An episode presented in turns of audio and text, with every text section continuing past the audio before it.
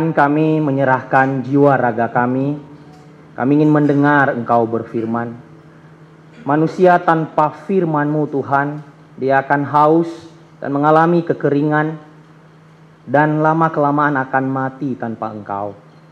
Tuhan kami membutuhkan Engkau di tengah-tengah dunia yang begitu ganas bagi kami. Kami membutuhkan Tuhan menyatakan terus kebenaran-Mu. Kami butuh penyertaan Tuhan. Dan salah satu penyertaan Tuhan ketika kami mendengar firman-Mu. Dan ketika kami mengalami perjumpaan lewat firman-Mu. Berbicaralah bagi kami ya Tuhan. Jadikan kami menjadi orang-orang yang melakukan firman-Mu. Tidak hanya mendengar firman-Mu. Dan kami menyerahkan hamba-Mu yang akan memberitakan kebenaran-Mu. Dalam segala kelemahan dan keterbatasannya, pakai dia Tuhan memberitakan firman. Dalam nama Yesus, kami ingin mendengarkan firman. Amin. Selamat pagi semua. Shalom. Bagi yang belum kenal dengan saya, atau mungkin sebagian kena, sebagian besar udah kenal, sok dikenal ya. Nama saya Yehezkiel Hia, biasa dipanggil Zeki. Saya full timer dalam pelayanan siswa Perkantas Jakarta. Saya mengembalakan pelayanan siswa Tuhan tolong sejak tahun 2010 masuk pelayanan siswa dan sampai sekarang masih juga melayani di siswa. Awal-awalnya menggembalakan di wilayah Depok. Sampai 2000 berapa itu 2011 apa 2012. Setelah itu sambil memegang juga Jakarta Pusat. Setelah itu pindah lagi ke daerah ke salah satu daerah pegang lagi Depok selain Depok sama pusat pegang Depok sama sama JT2. Habis itu fokus pegang JT2. Pegang JT2 sama Jakarta Barat. Sekarang mau lepas JT2 kasih sama yang lain gitu. Sekarang fokus sama JB. Nanti nggak tahu JB sama yang lain lagi atau aku mau keluar nggak tahu. Jadi itu itu buah, aku lihat itu buah dari panggilan ya teman-teman. Salah satu saya masih ingat teman-teman, KPU pertama saya di mana saya jadi pandra seperti Kak Evin dan di mana saya jadi staff ada namanya uh, di wilayah saya hanya tiga orang waktu itu dari SMA 3 Depok hanya tiga orang yang datang. Jadi dari wilayah Depok hanya tiga orang. Sekarang ada berapa dari Depok? Banyak ya. Iya banyak ya mereka paling rame mungkin ya. Tiga orang dan salah satunya adalah namanya Widuri. Dia punya, dia ada kesaksian di situ di buku acara itu. Kamu baca. Nggak kebayang. Jadi hanya tiga dan dia pernah, kalau nggak salah dia pernah jadi panitia KPU atau pelayan KPU dan sekarang Kawiduri juga jadi saksi dalam panggilannya. Nanti kamu udah baca, siapa yang sudah baca artikel di situ? Nggak ada ya. Ini salah satu budaya Indonesia lemah juga dalam hal baca gitu. Nggak ada yang baca. Siapa yang sudah baca satu artikel di dalam di buku acara? Oke, dua artikel. Siapa yang sudah baca semua artikel? Sekilas kemarin aku baca cepat aja, aku udah baca semua. Salah satunya adalah ada ada artikelnya Kare, ada artikelnya uh, itu sangat berguna. Karena kenapa ada artikel itu nggak sebenarnya biar sosokan mau banyakin buku acara teman-teman enggak. Kita mau pengen bagiin banyak ke kamu, tapi nggak nggak cukup sesinya, nggak cukup waktunya. Kamu mau seminggu di sini. Sehingga kita mau secara ringkas mau nyampaikan melalui kesaksian artikel melalui kesaksian di dalam artikel teman-teman itu. Mereka adalah saksi hidup yang pernah juga ikut KPU, pernah dibina di siswa. Maka bacalah, teman-teman. Oke, habis ini harus baca ya. Nanti aku tanya pas ketemu, eh udah baca artikelnya belum? Kalau belum, minta nanti kamu terakhir Bang Zeki. Oke, teman-teman, sangat senang sebenarnya melihat teman-teman sekalian. Kalau ter, dengar terakhir, um, ada sekitar tiga tahun apa empat tahun terakhir trennya peserta KPU itu sekitar 40-an orang dan sekitar 40-an orang kurang lebih juga yang hadir di sini. Buat apa KPU? Sebenarnya KPU adalah salah satu tahap pemuridan di dalam mungkin nanti oh apa apa sih KPU itu? Itu sebenarnya tahap dari pemuridan pelayanan pemuridan siswa. Jadi ada namanya P1, P2, P3, P4. Pernah nggak dengar itu kalau pembinaan Rokris, visi misi pernah ya? KPU adalah bagian karena kadang-kadang sekolah tidak siap untuk mengutus kelas 12 atau khusus yang sudah dimuridkan.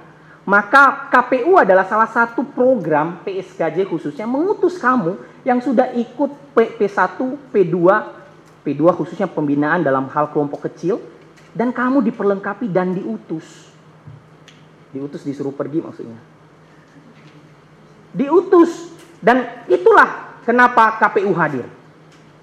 Dan teman-teman waktu persiapan teman-teman, saya bukan kebetulan juga Nggak tahu ada nggak yang merenungkan seperti ini ya? Memang uh, kalau tahun lalu, eh, lima tahun lalu uh, nggak tahu apakah situasinya sama dengan begini. Sekarang suasana kita lagi KPU, April ini juga ada momen KPU juga gitu. Itu di generasimu waktu KPU-mu. Pernah nggak merenungkan begitu? Apa kondisi bangsa saat ini? Teman-teman, ada satu kondisi bangsa di momen kamu diutus di camp pengutusan siswa. Situasi sekarang pemilihan Pilpres dan Pileg. Ada Menko Polhukam, Wirianto mengatakan kemarin, ini salah satu pil, Pilpres atau Pileg terpanas sepanjang sejarah Indonesia. Tentunya mereka punya data intelijen. Memang seperti bangsa kita terbelah dengan dua kubu. Kamu pasti menyaksikannya di medsos ya. Ada ada kaum radikal yang menjadi isu.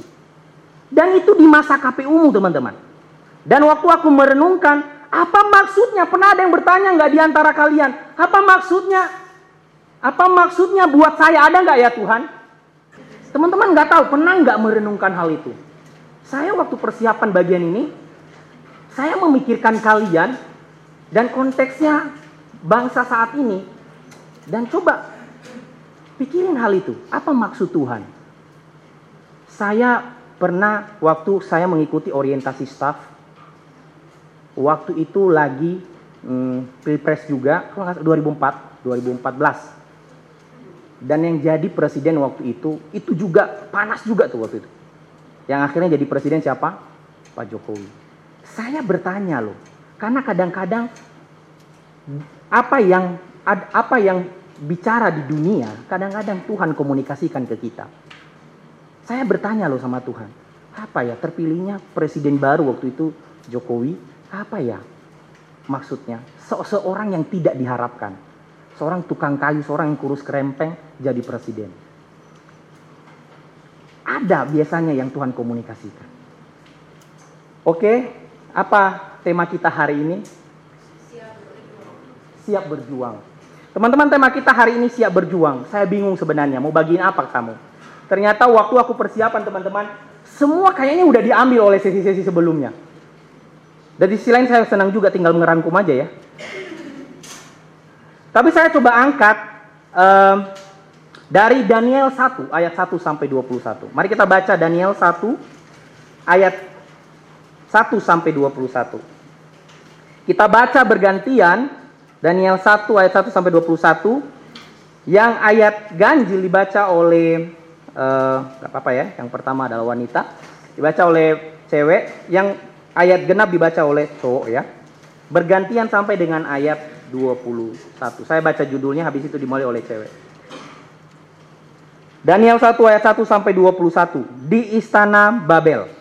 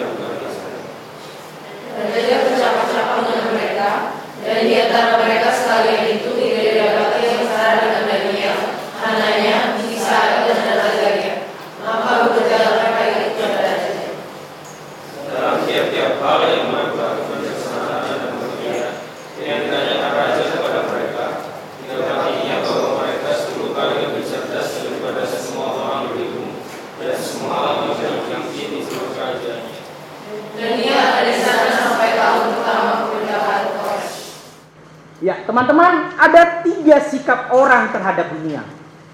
Orang pada umumnya, yang pertama, biasanya mereka jadi pengkritik. Apa yang terjadi dalam kondisi tertentu, dalam mereka melihat situasi, mereka melihat keadaan tertentu, maka mereka hanya tahu mengkritik, teman-teman. Mereka tidak pernah jadi solusi. Mereka hanya mengkritik tapi tidak mau mengorbankan diri. Mereka mengkritik tapi tidak pernah menjadi saksi. Mereka hanya tahu mengkritik. Itu salah, ini salah. Mereka tahu, mereka harus cari tahu siapa yang patut disalahkan terhadap kondisi dan keadaan yang terjadi. Mungkin kalian tahu juga di televisi sering sosok yang suka mengkritik. Dia dikenal sebagai seorang profesor. Saya nggak suka dengan dia. Nggak pernah keluar pujian terhadap kondisi pemerintahan. Dia selalu mengkritik. Dia hanya tahunya mengkritik. Tapi dia nggak pernah nawarkan solusi. Kerjaannya mengkritik. Apakah kita salah satu orang yang seperti itu teman-teman? Taunya mengkritik. Taunya menca taunya pengen cari tahu apa siapa yang salah. Siapa yang jadi biang dari tapi dia nggak pernah jadi saksi, dia nggak pernah mengorbankan diri, dia nggak pernah jadi solusi. Orang yang kedua teman-teman, acuh tak acuh.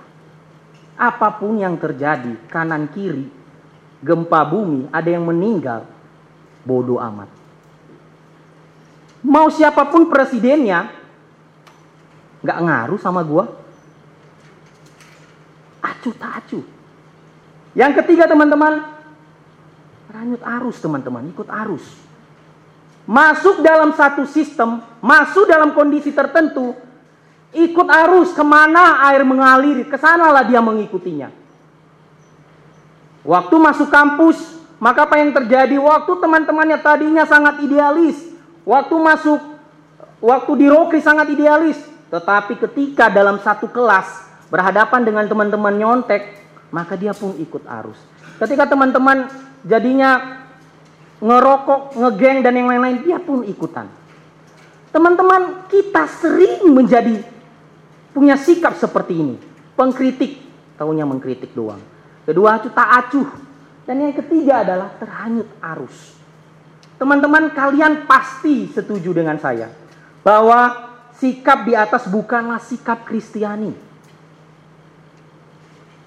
Sikap di atas pasti kita tidak suka dan saya harap kita tidak punya sikap yang di atas. Sikap Kristiani jelas Bang Riko sudah bagikan dalam KKR kemarin. Tapi saya ber, saya saya bertanya waktu bagian kita harus jadi garam dan terang. Tapi kamu tahu nggak siapa yang pantas? Seseorang tidak semua orang bisa jadi garam dan terang. Nanti kita bahas. Kalau begini sikap dunia pada umumnya, Maka bagaimana sikap seorang Kristen? Teman-teman kita bisa melihat, saya mengangkat, saya terpikir waktu mempersiapkan ini, saya terpikir melihat teladan Daniel. Siapa Daniel? Teman-teman saya nggak angkat satu persatu mau bahas tentang Daniel dari bagian perikop yang kita baca. Ayat satu begini, ayat dua begini. Tetapi saya akan mengangkat tentang apa mana teks dari perikop ini. Teman-teman siapakah Daniel? Sekilas tentang Daniel. Teman-teman, dia adalah seorang yang berasal dari keturunan raja dan dari kaum bangsawan. Tentunya mereka Babel pada masa itu yang berkuasa pada masa itu memang dikatakan pada masa itu Babel lah yang menguasai dunia. Atau dia sudah punya uh, daerah jajahan yang sangat luas. Dan dia tentunya pengen memperdaya kawan jadi orang-orang uh, uh, Daniel dan kawan-kawan adalah kawanan. Dia tentu nggak mau rugi dia pengen berdayakan orang-orang cerdas. Nah, mereka mencari di dalam kata di dalam ayat 3 ayat 4 dikatakan, mereka mencari orang-orang yang punya kriteria begini. Dan Daniel masuk di dalamnya. Berasal dari keturunan raja dan dari kaum bangsawan. Orang muda yang tidak ada sesuatu celah. Yang berperawakan baik. Ganteng ya kalian. Yang mengalami, yang memahami berbagai-bagai hikmat. Yang berpengetahuan banyak dan mempunyai pengertian tentang ilmu orang yang cakep untuk bekerja dalam istana raja. Teman-teman, inilah sosok Daniel yang tidak semua orang memiliki kriteria seperti ini. Dan tentunya kalau kita lihat Daniel masuk dalam masuk di dalam pendidikan di Babel.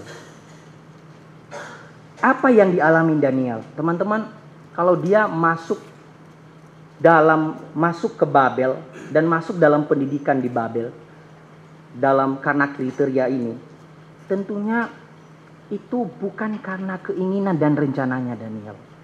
Itu bukan karena kebetulan teman-teman. Dan itu bukan juga karena kehendaknya Daniel. Teman-teman, masuk pendidikan untuk kaum raja dan bangsawan hanya selama tiga tahun. Pernah nggak bertanya kenapa tiga tahun? Saya nggak cari tahu kenapa tiga tahunnya. Tapi saya lagi analisa apa apa sih yang penting dari tiga tahun ini. Teman-teman jika ingat hal ini tiga tahun ini, maka ingat teman-teman sekalian juga.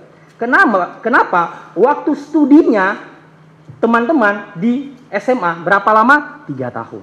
Waktu nanti masuk kampus, maka itu sekitar kurang lebih empat tahun.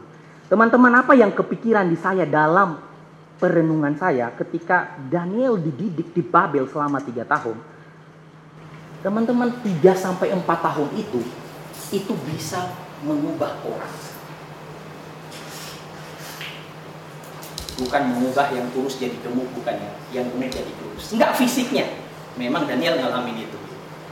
Sehat. Tapi masalah tiga tahun, empat tahun itu, ada bisa terjadi perubahan nilai saya lagi merenungkan petinggi-petinggi Babel tahu kalau misalnya hanya setahun tidak mampu cuci otak tuh. Mungkin tiga tahun lah minimal tiga tahun mereka cuci otak. Dan saya juga menyaksikan itu teman-teman. Dan nggak tahu coba bayangin waktu kamu SMP waktu kamu SMP seperti apa imutnya kamu? Seperti apa lucunya kamu waktu kelas 3 SMP Nggak kebayang ya, nggak mau bayangin ya. Nggak mau bayangin ya. Nanti lihat foto di apa di media sosialmu seperti apa. Ada perubahan. Dan teman-teman saya yakin waktu kamu selama tiga tahun di SMA ada perubahan. Waktu nanti sekarang kamu akan diutus masuk ke dunia kampus dan itu kurang lebih empat tahun. Itu banyak mengubahmu. Teman-teman itu juga yang saya alami. Dan teman-teman sekalian banyak mengubah kita. Dan tentunya yang diubah apa teman-teman?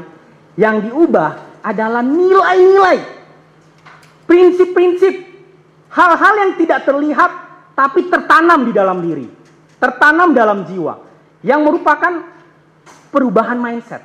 Dan itu mempengaruhi keseluruhan hidup. Ya, tiga tahun pendidikan di Babel, Nah, Teman-teman, selama pendidikan di Babel, apa yang dilakukan kepada mereka? Secara singkat dikatakan di, di situ apa yang dilakukan kepada mereka. Yang pertama, teman-teman dikatakan di sini, pertama nama mereka diganti.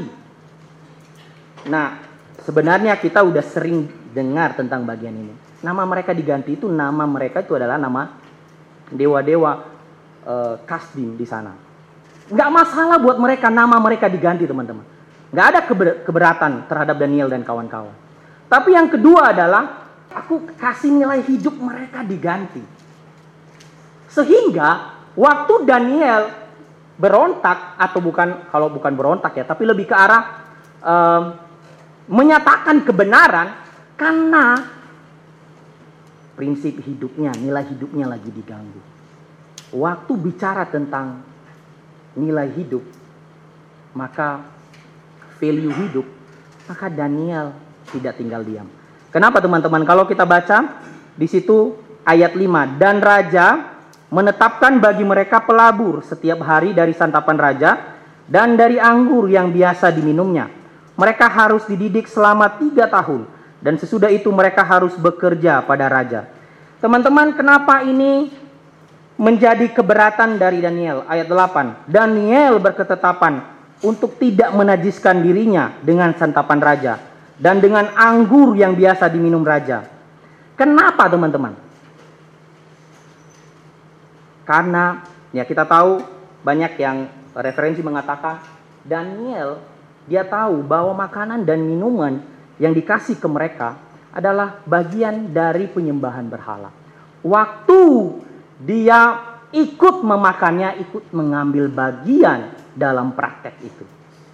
Dan ini bertolak belakang dengan kebenaran yang dia terima. Ini bertolak belakang dengan nilai hidup yang dia terima. Waktu bicara tentang nilai hidup, maka Daniel dan kawan-kawan tidak mau mengikutinya.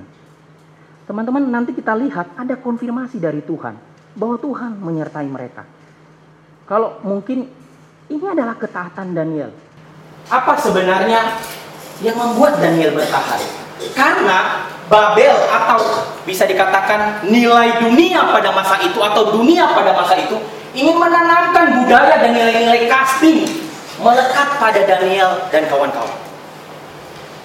Kalau mereka bekerja, maka bekerja pada Raja Babel, maka mereka harus ikut prinsip-prinsip Babel. Teman-teman sama juga, kalau ada banyak cerita beberapa alumni-alumni yang sudah kita bina, mereka masuk ke dalam tempat kerja salah satunya mungkin jadi aparatur sipil negara dan ada sistem yang bobrok di sana. Kita dipaksa untuk apa? Untuk ikut nilai-nilai itu. Sesuatu yang gampang untuk menerima dan memberi sogokan. Kalau enggak kamu yang bodoh dan aneh.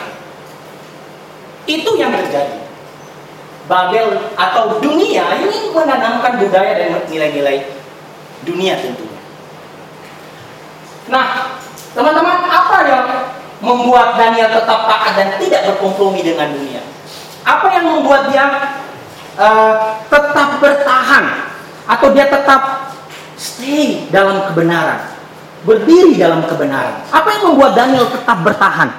Teman-teman, ada tiga hal yang membuat Daniel tetap bertahan. Teman-teman, yang pertama apa? Ini teman-teman, identitas. Bicara tentang identitas lagi. Dan kalau kita lihat dari awal KPU, ya KPU kita maksudnya tiga hari dua malam ini, dari awal KPU sejak sesi pertama bicara soal angkat apa? Identitas, identitas. Bang Riko angkat tentang identitas adalah kita adalah sebagai garam dan terang.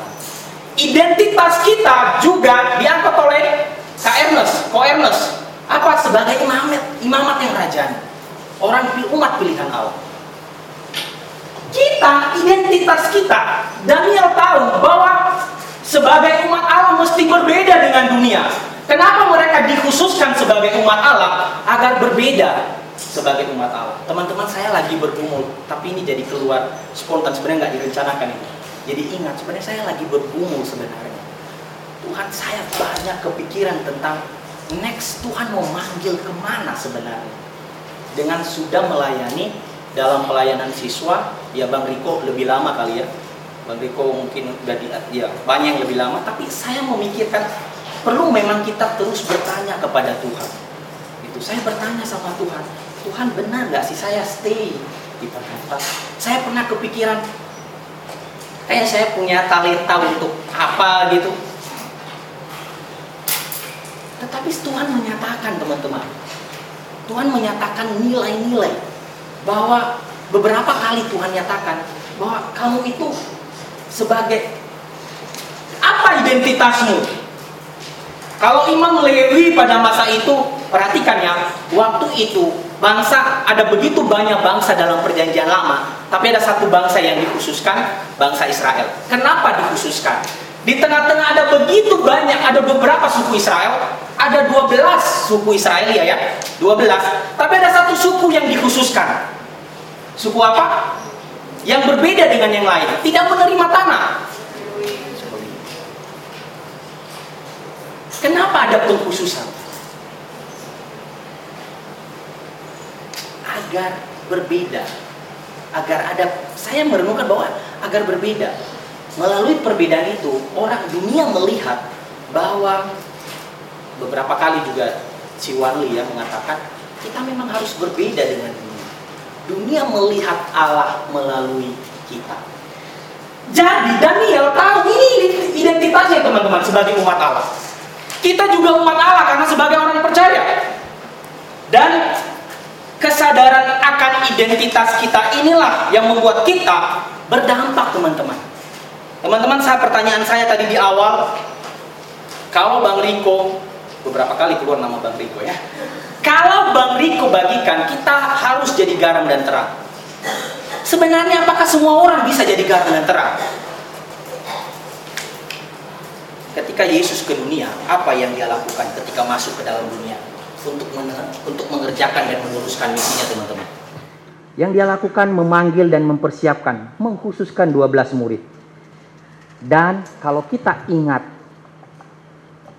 12 murid ini dikhususkan sebelum mereka dikhususkan dan dikelompokkan, apa yang terjadi teman-teman? Mereka ngalamin calling dulu. Dalam Markus 1 dikatakan waktu Yesus memanggil para murid, Tuhan memberikan satu panggilan. Follow me, ikutlah aku.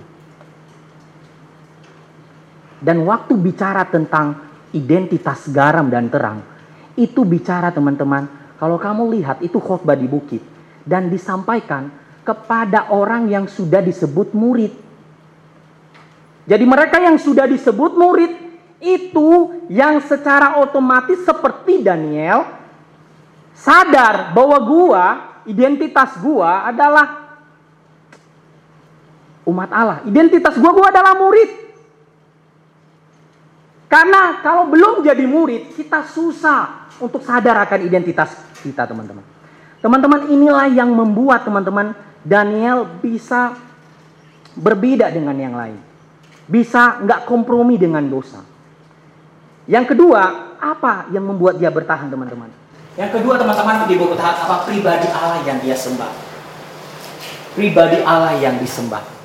Ada perbedaan. Teman-teman kita sering memisahkan dunia dengan Allah. Kita juga sering memisahkan diri kita dengan Allah.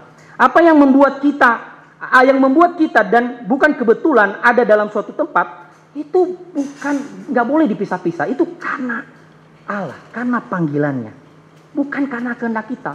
Kalau kamu masuk perguruan tinggi tertentu, jangan anggap itu kecelakaan. Makanya gumulkan dan doakan baik-baik. Apa panggilan Tuhan buat kamu? Dan bicara tentang panggilan, maka itu bicara tentang siapa Allah yang memanggil. Waktu jelas siapa yang memanggil, maka kita akan melangkah dengan berani seperti Daniel, sekalipun resikonya tinggi, kita akan bisa melangkah, bisa berani berbeda dengan yang lain. Waktu nanti teman-temanmu punya pikiran-pikiran mindset yang aneh, maka kamu bisa tetap saya yakin dengan kebenaran ini. Teman-teman, sebentar lagi kan kamu masuk kampus nih. Dan memang kamu diutus bukan langsung Memang ada sebagian mungkin yang akan dari lulusan dari STM atau SMK Ada dari SMK 26 juga di sini mungkin langsung kerja. Tapi mayoritas akan masuk perguruan tinggi. Nah, waktu masuk perguruan tinggi teman-teman, saya juga beberapa pelajari ternyata ngalamin dan dengar dari adik-adik TPS punya pergumulan waktu masuk bidang jurusannya. Teman-teman kamu ada nanti masanya kamu ngalamin peperangan dalam hal peperangan pikiran. Kenapa? Nanti bidang misalnya kamu masuk jurusan biologi. Ada banyak cara pandang dunia tentang biologi. Dan bicara tentang hukum ada banyak cara pandang dunia yang belum tentu sesuai kehendak Tuhan. Kamu mesti berdiri apa kata firman Tuhan. Gak langsung kamu telan mentah-mentah. Wah ini ilmu apalagi kalau kita baru mendengar tentang itu ya. Wah hebat nih. Wah ada teori baru nih. Mesti kritis teman-teman. Dan ketika Allah yang memanggil Daniel, dia tahu siapa yang memanggil dia. Siapa yang memberikan identitas buat dia. Itulah yang membuat dia tetap tidak kompromi. Yang terakhir, terakhir dalam arti poin ini, adalah yang membuat Daniel bertahan adalah pengenalan kepada Allah yang menjadikan dia taat. Teman-teman dia kenal siapa Allah. Kalaupun nanti dia mati, nggak masalah. Dia kenal Allah.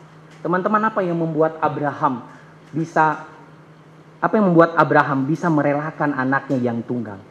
Dan itu kitab Ibrani menceritakan bahwa dia mengenal satu pribadi Allah. Apa pribadi Allah? Bahwa Allah mampu membangkitkan. Waktu kita taat, teman-teman kita bukan taat karena seperti seorang prajurit. Ngerti nggak kalau taat seorang prajurit? Waktu dipanggil Samuel, kemari ke depan. Apa jawab prajurit? Siap, komandan. PJ, maju. Mainkan musiknya. Siap, komandan. Tidak ada, enggak, komandan. Semua katanya siap. Patuh, taat. Karena apa? Karena komando. Tetapi ketaatan kita nggak begitu, teman-teman. Ketaatan kekristenan, waktu kita taat dalam risiko tertentu, bukan karena seperti seorang prajurit. Pimpinan gua mengatakan begitu, maka nanti kalau kamu di dunia kerja, kalau kamu taat seperti itu, siap komandan, saya akan nggak apa-apa ambil uang sedikit, nggak apa-apa. Tapi ketaatan kekristenan itu ketaatan karena pengenalan. Waktu Tuhan panggil ke tempat yang tidak dikenal, waktu Tuhan dan suruh untuk melayani di siswa, walaupun mungkin susah masuk ke pelayanan siswa karena kampus jauh, atau melayani di, di mungkin di BEM, Tuhan panggil jelas. Tapi susah karena mungkin lebih garang mungkin di sana gitu, nggak seperti di persekutuan. Tapi karena kita kenal siapa yang memanggil, maka kita melangkah. Teman-teman, waktu kalau kamu punya relasi dengan papa atau mama dengan baik, waktu papa bilang, kamu pergi dulu keluar rumah, kita menganggap aneh juga sih ya. Tapi waktu papa perintahkan sesuatu hal, mungkin kita nggak ngerti. Tapi karena kita deket sama papa, dan kita punya relasi sama dia, papa mama memerintahkan sesuatu. Oke ma, oke pak. Kenapa? Karena kita berelasi, karena dekat dengan dia. Itu ketaatan kita teman-teman. Itu Daniel. Itu tokoh-tokoh Alkitab. Dan itu adalah tokoh-tokoh next dunia, itu adalah kamu di generasimu. Waktu engkau mengatakan, iya Tuhan saya mau melangkah. Itu karena kamu mengenal dia. Kamu tahu siapa yang memanggil. Kamu tahu, kamu kenal siapa dia.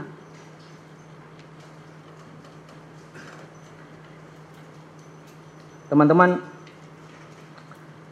inilah yang membuat Daniel, kenapa dia bertahan. Kenapa dia kenapa dia bisa berjuang, tidak kompromi. Sama, karena identitasnya. Kedua, karena apa tadi yang kedua teman-teman? Nah, apa yang kedua teman-teman? Karena pribadi Allah yang dia sembah. Dan yang ketiga, karena pengenal, dia dia taat karena pengenalan. Teman-teman, kalau kita ada dalam dunia ini dengan seperti Daniel, sebenarnya kita mesti tahu juga apa realitanya. Waktu saya persiapan untuk bicara tentang realita, teman-teman, maka saya sebenarnya sudah dibukakan semua Ciwanli bukain, KNS bukain. Apalagi saya mau bukain lagi. Kondisi-kondisi bangsa mereka bukain. Realita apa? Tapi saya kepikir beberapa hal. Nah ini eh, sebelum masuk ke situ kita melihat juga bahwa ketika Daniel dalam tiga hal itu maka Tuhan menyertai dia. Memang benar kalau Tuhan memanggil kamu untuk melangkah kepada sesuatu teman-teman, Dia akan menyertai kamu. Amin. Kalau Tuhan memanggil ke, kam- ke kampus tertentu, Tuhan akan memampukan kamu dan menyertai kamu. Itulah yang terjadi dengan Daniel dan kawan-kawan. Mereka nggak kurus 10 hari, mereka malah lebih sehat ya. Itu yang terjadi. Nah, realita dunia teman-teman? Mau aku lihat di slide Kak Ernest, dia juga udah beberapa bukain. Tapi eh, saya akan bukakan secara global dari satu buku isu-isu global. Jadi singkat saja secara umum, apa kondisi dunia saat ini yang kita hadapi? Teman-teman, Mahatma Gandhi sebelum masuk ke isu-isu global, Mahatma Gandhi menuliskan tujuh dosa sosial. Yang pertama, politik tanpa prinsip, bis- bisnis tanpa moralitas, pengetahuan tanpa karakter, sains tanpa kemanusiaan, kaya tanpa kerja. Kaya tanpa kerja itu mau kita banget ya. Iya nggak sih? Ini saya sedih juga teman-teman. Ada banyak ternyata eh, ya aku dengar di lingkungan Depok itu tuh ada banyak orang-orang jadi rentenir. Itu mau kaya tanpa kerja teman-teman. Kenikmatan tanpa hati nurani dan ibadah tanpa pengorbanan. Seharusnya keprihatinan seperti ini juga menjadi keprihatinan umat Allah bagi dunia. John Stock mengatakan dalam isu-isu global, isu-isu global dia mengatakan apa secara umum. Nah kalau kamu baca sebenarnya aku kemarin baca buku itu bawa setiap ke sini, tapi entah kenapa hilang ke mana bukunya. Jadi kamu bisa baca, pengen tunjukin ke kamu buku. Memang John Stock itu melihat segala lini dengan cara pandang Kristen teman-teman. Waktu kita berhadapan dengan LGBT apa? Apa cara pandang Kristennya? Jangan dulu dengar dari dunia atau lihat dunia, tapi ini tetap bercermin dengan Alkitab. Garis besarnya apa? Dari buku isu global ini, dia bicara tentang ada ancaman nuklir. Benar teman-teman. Ini secara global ya dunia, kerusakan lingkungan hidup dan energi, ketimpangan ekonomi utara dan selatan, pelanggaran hak asasi manusia dari segi sosial, keterasingan, masalah lapangan kerja dan pengangguran yang berkepanjangan, hubungan industrial, masalah rasial, masalah kemiskinan, terus begitu secara umum. Apalagi dari segi moral, masalah pria wanita, ya masalah gender, perkawinan dan perceraian, aborsi. Gimana Alkitab melihat aborsi? Waktu nanti di kampus kamu masuk, oh nggak apa-apa kok aborsi. Gimana seorang Kristen kamu masuk melihat cara pikir itu? Dan kamu ikut bilang mungkin kamu masuk dalam yang poin yang ketiga tadi di awal. Ikut arus saja. Oh iya kok. Saya dulu teman-teman di kampus saya saya jurusan biologi. Ya jadi hamba Tuhan ya dari biologi ya. Saya dulu bergumul setiap mata kuliah. Kenapa? Kami belajar evolusi. Dan ketika belajar itu saya seperti masuk dalam seperti mau menyetujui tentang itu itu susahnya. Setiap ilmu setiap bidang ilmu teman-teman ada itu. Ada satu adik rohani dia bergumul dia masuk jurusan psikologi dia bergumul tentang pandangan psikologi. Ada banyak pandangan dunia. Tapi apa pandangan Alkitab tentang itu? Tentu bidang hukum juga begitu nggak kak tapi pandangan Alkitab apa homoseksual. Dan kita tahu sekarang homoseksual di beberapa negara-negara yang mayoritas Kristen diakui nggak? Dinikahkan teman-teman. Dari segi spiritual meluasnya materialisme hilangnya kepekaan terhadap realita yang transenden. Itu kondisinya kata John Stott sebenarnya setiap poin-poin itu dia bahas banyak halamannya. Jadi kamu beli buku isu-isu global itu memang luar biasa memang dia pakai dia lihat secara global perspektif cara pandang Kristen melihat masalah-masalah di dunia.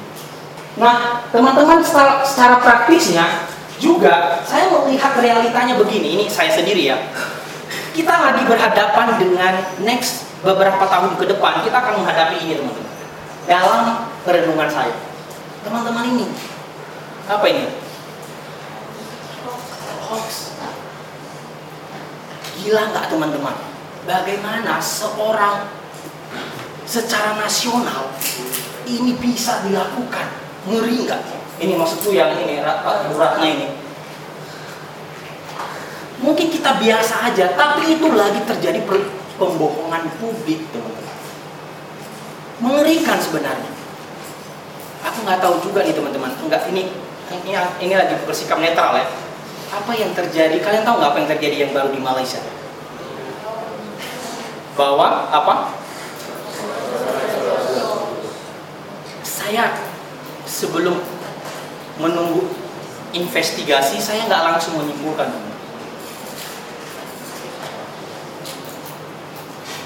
Hoax ini ini akan ini yang jadi peperangan ke depan. Yang kedua apa teman-teman? Apa? Perkembangan teknologi, media sosial. Teman-teman kemarin siapa yang nonton rekaman debat pilpres kemarin? Saya sempat waktu persiapan saya persiapan PPT, saya sempat lihat rekaman debatnya. Salah satu yang diperdebatkan tentang apa teman-teman? Tentang namanya e-sport. Ya apa itu ya? Itu bicara tentang bahwa nanti youtuber dan para vlogger itu bisa jadi profesi gamers. Coba bayangkan teman-teman. Nanti ada mungkin kapsel kali ya gamers. Waktu di KPU pada zaman itu.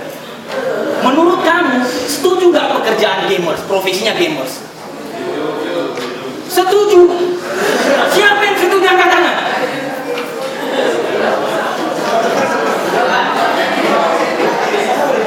Teman-teman, nah kita mesti belajar nih. Ini PR kakak-kakak staff nih. Kita mesti belajar konsep kerja, konsep panggilan. Bahwa waktu kita memilih profesi tertentu, bukan hanya untuk menghasilkan uang ya, tapi dia harus memuliakan Allah dan berdampak pada sesama teman-teman. Itu intinya. Kalau profesi itu nggak berdampak buat sesama, hanya untuk dirimu sendiri, dalam arti kembangin talentamu, kesenanganmu, itu enggak sesuai dengan kehendak Tuhan. Profesi mesti itulah bedanya kita, cara pandang kita seorang murid dengan cara pandang dunia. Teman-teman sorry ya, waktu bicara cara pandang, Ciwan Lim kemarin bilang begini. Dia bilang, waktu di generasi saya, ada begitu satu kelas, terus ada sekitar tiga orang mereka dalam kategori dunia sukses. Menurutku, nah bagiku saya tangkap sukses dalam arti berdampak ya buat dia. Waktu kita bicara sukses, nih ya, apa definisimu tentang sukses? Teman-teman Bang Zeki ini sekelas atau teman-teman Bang Riko sekelas yang sudah lulus sekian tahun, kami nggak sukses mungkin kalau ukuran dunia. Teman-teman Kak Alex yang sudah sekian puluh tahun jadi staff, gitu-gitu aja hidupnya, nggak sukses cara ukuran dunia. Apa definisi sukses? Itu value teman-teman, itu nilai hidup. Apa definisi sukses buat? Punya dunia mendefinisikan sukses dengan apa? Kaya, jabatan, punya uang, apalagi punya cewek-cewek cantik di sekitarnya, apalagi jadi agak berat ya sisinya ya. Eh tapi mesti aku bukakan.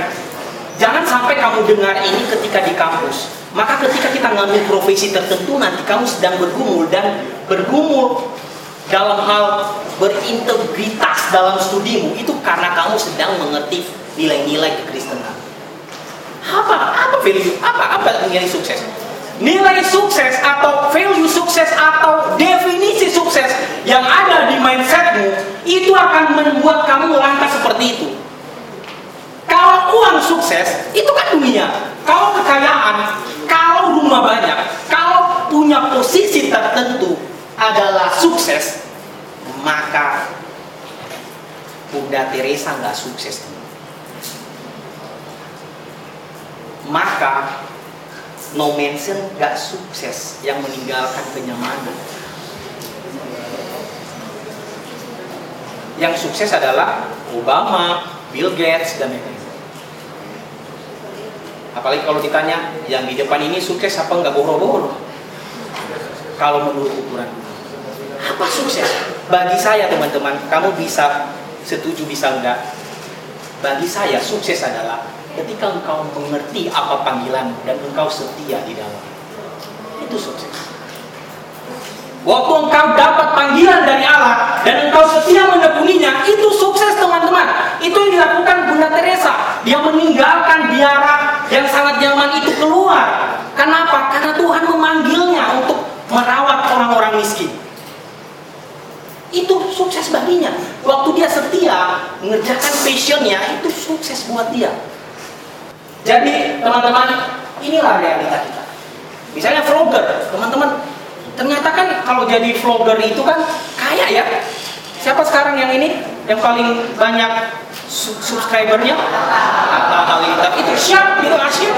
Emang kita siap kan terinspirasi dari situ kan ya. Saya mikir waktu ada kata siap kayak ter- terinspirasi dari Atta Halilintar. Siap. Sama Ricis. Teman-teman boleh nggak kita jadi youtuber? Boleh?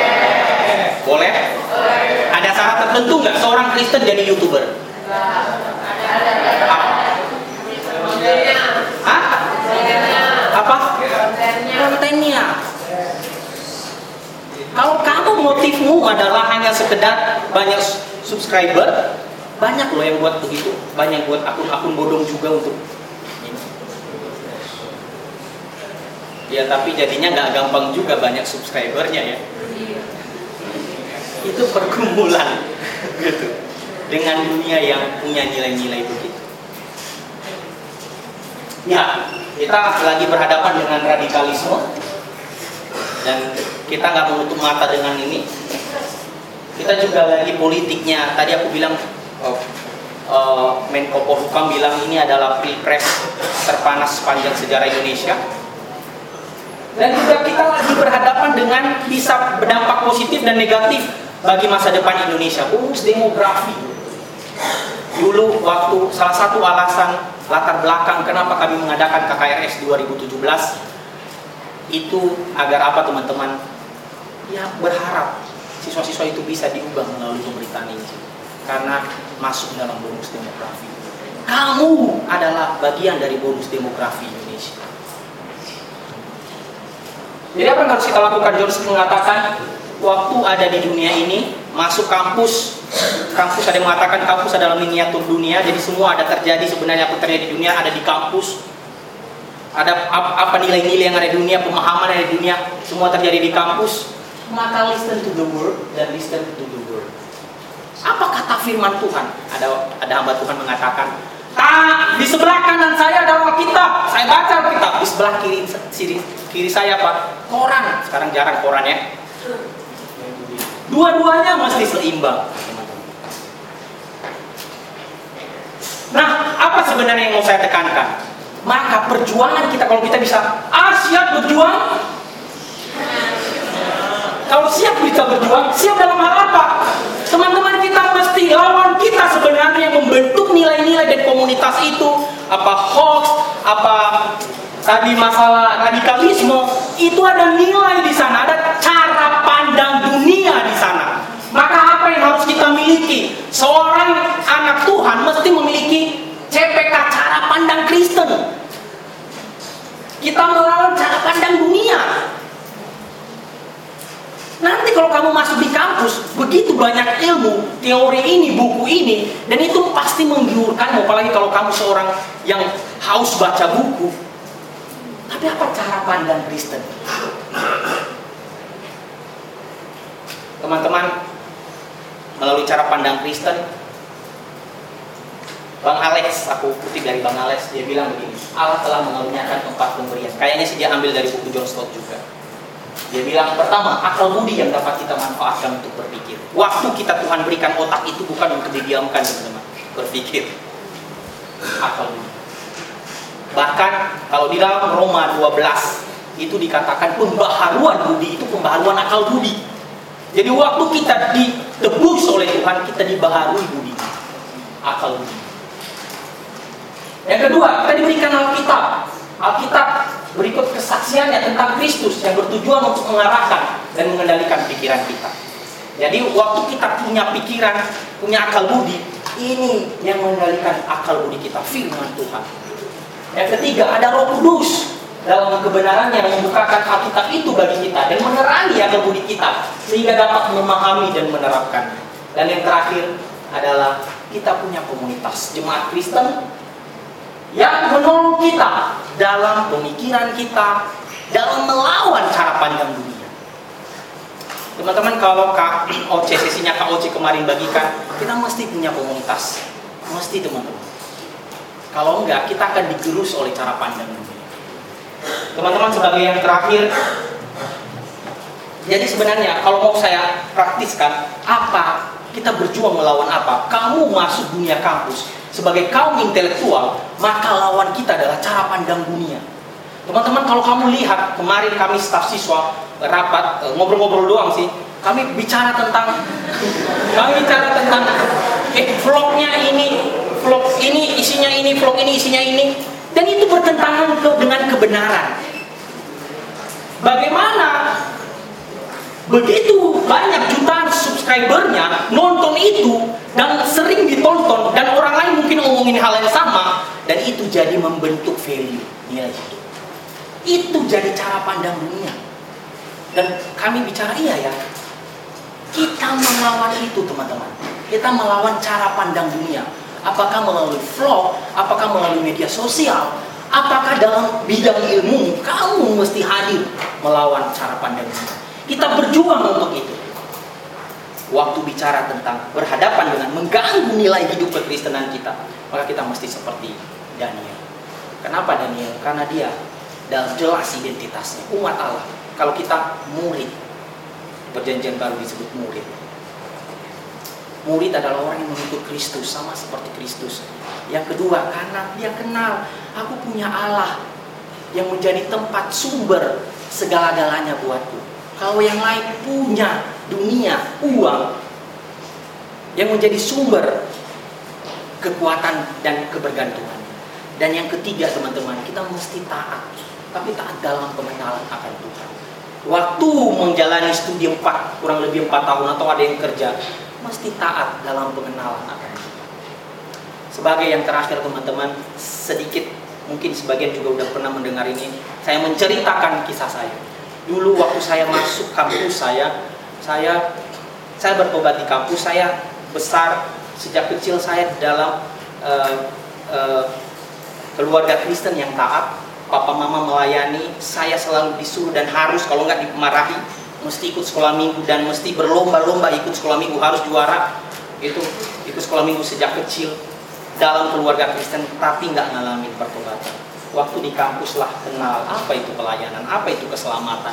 Oh, saya dianugerahi keselamatan. Saya langkah di awal adalah saya ngambil komitmen apa teman-teman. Sederhana dan susahnya minta ampun dan mungkin kamu sudah melakukan itu. Adalah kami nggak nyontek, nggak nyontek. Tapi suatu ketika teman-teman saya berhadapan satu kelas dalam satu ujian tertentu nyontek teman-teman. Dan waktu itu yang ngawas siapa teman-teman? Yang ngawas siapa? Dosennya teman-teman dosen. Jadi ada satu mata kuliah kami ujian, mata kuliah ini dosennya yang memberikan e, mata kuliah ini dia nggak hadir.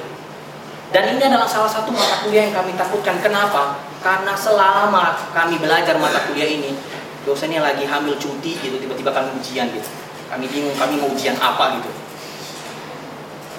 Diujiankan apa? Dan kami sudah siap dengan persenjataannya, bukan kami, maksudnya teman-teman.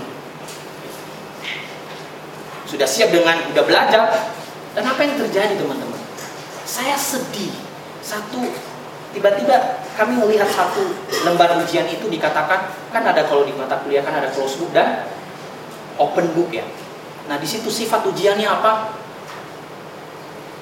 close book tetapi tiba-tiba yang ngawasnya waktu itu adalah dosen pengganti gitu karena lagi cuti melahirkan ibunya yang memberi mata kuliah itu.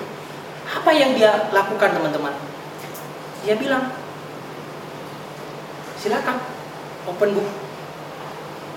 Saya waktu itu bergumul dan saya merasa bodoh. Apa saya bodoh deh? Terlalu polos.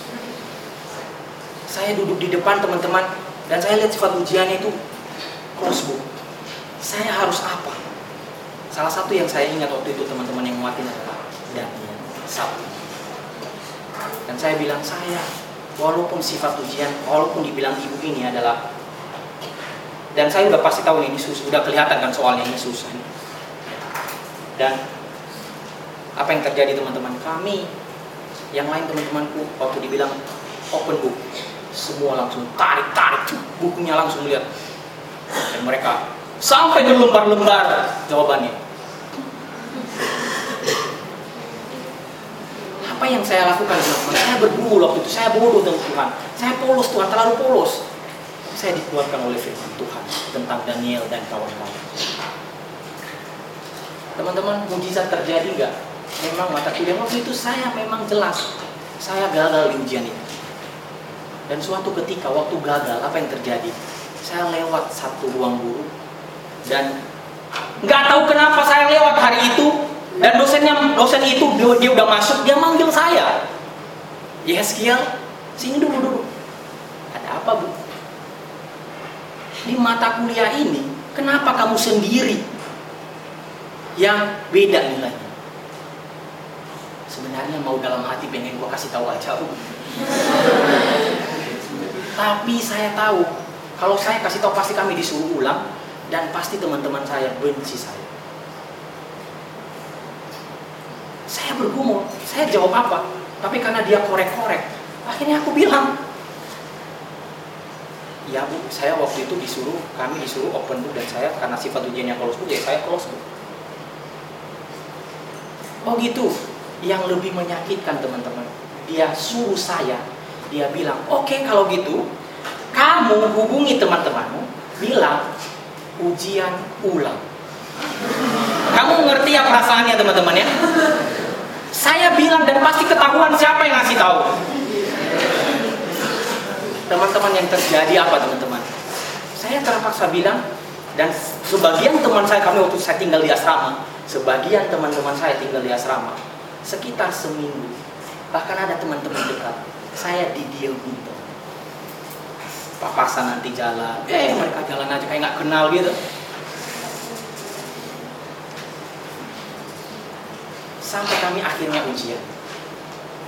Waktu kami ujian ulang, kami semua lulus, tapi kami mengerjakannya dengan benar. Saya terus dimusuhi nggak? Hanya seminggu. Sakitnya tuh di sini sih memang. Teman-teman dekat, sahabat ini, tapi itu bicara seperti Daniel. Itulah Daniel yang membuat. Dan kalau bicara lagi teman-teman, saya tinggal di asrama. Ini yang terakhir. Saya tinggal di asrama. Teman-teman ada asrama pria, ada asrama wanita teman-teman waktu tinggal di asrama di masa liburan itu godaan luar biasa. Kenapa? Teman-teman saya yang tinggal di asrama pria yang nggak punya keluarga, dia nggak liburan kan waktu liburan, maka semua akan di asrama. Dan pasti apa? Jenuh dong, bosan kan? Tiga bulan, dua bulan lebih. Gitu. Dan apa yang terjadi? Apa yang mereka lakukan nanti biasanya? Waktu mereka di asrama, apa yang mereka lakukan? Suatu ketika ada kami di ruang tamu seperti ini, ya nggak sebesar ini ya, ada di ruang tamu ada di ujungnya ada TV gitu nah di TV itu wah mereka udah kepikiran rame-rame ini teman-teman mereka mau ngapain wah kita mau nonton bareng enak dong nonton bareng tapi yang ditonton apa teman-teman film porno Sebenarnya saya berpikir nggak apa-apa juga sih sebenarnya saya nggak lihat-lihat waktu lewat gitu nggak apa-apa tapi suaranya itu loh ganggu juga. Tapi saya bergumul juga dalam hati teman-teman waktu itu. Tapi kalau saya biarkan orang yang tidak berniat jadi berniat, ngerti nggak? Dan ada di dalam skill dikatakan kalau kita tahu ketidakbenaran dan kita diam, ya ada aku lupa ayatnya. Kalau kita tahu kebenaran dan kita diam itu dosa juga ternyata. Dan saya ditegur akan hal itu. Dan dalam kebodohan dan kepolosan saya teman-teman, waktu mereka mau nyalain saya datang dan saya teman-teman terserah kalian mau nonton mau nonton ya aku bilang Saudi terserah mau nonton di mana tapi jangan di sini sebenarnya kalau saya mau dihajar digebukin aja jatuh kali tumbang kali ya tapi saya sudah melakukan bagian saya. Mereka nggak nonton kok. Dan itu bicara apa teman? Itu bicara identitas. Waktu kita pun berani mengatakan jangan kalau kalau kamu kalau kamu mereka tahu juga suka nonton di asrama waktu itu mungkin mereka nggak mau dengar juga kali ah ini kamu gitu. Tapi mereka juga tahu bahwa saya pengurus terus seperti apa ya ngerti ya? Kalau hidup tinggal bersama di rumah tuh di asrama mereka tahu TTB kita seperti apa kekurangan kekurangan kita. Tapi mereka mau dengar. Kiranya kita siap berjuang. Tuhan memberkati Ya Tuhan, kiranya kemuliaan hanya bagimu. Tolong kami untuk bisa seperti Daniel, siap berjuang melawan cara pikir dunia yang menggerogoti kami, masuk melalui ilmu-ilmu kami, masuk melalui media sosial kami, masuk melalui perkembangan dunia dan perkembangan teknologi. Tolong kami juga tetap hidup dalam kebenaran, dan juga punya mindset cara pikir Kristen, cara pikir Alkitabiah melihat isu-isu yang terjadi di sekitar kami. Terima kasih Tuhan untuk kebenaran dan firman-Mu. Tolong juga hamba untuk bisa menghidupinya dalam kehidupan sehari-hari. Dalam nama Yesus, hamba berdoa dan bersyukur. Amin.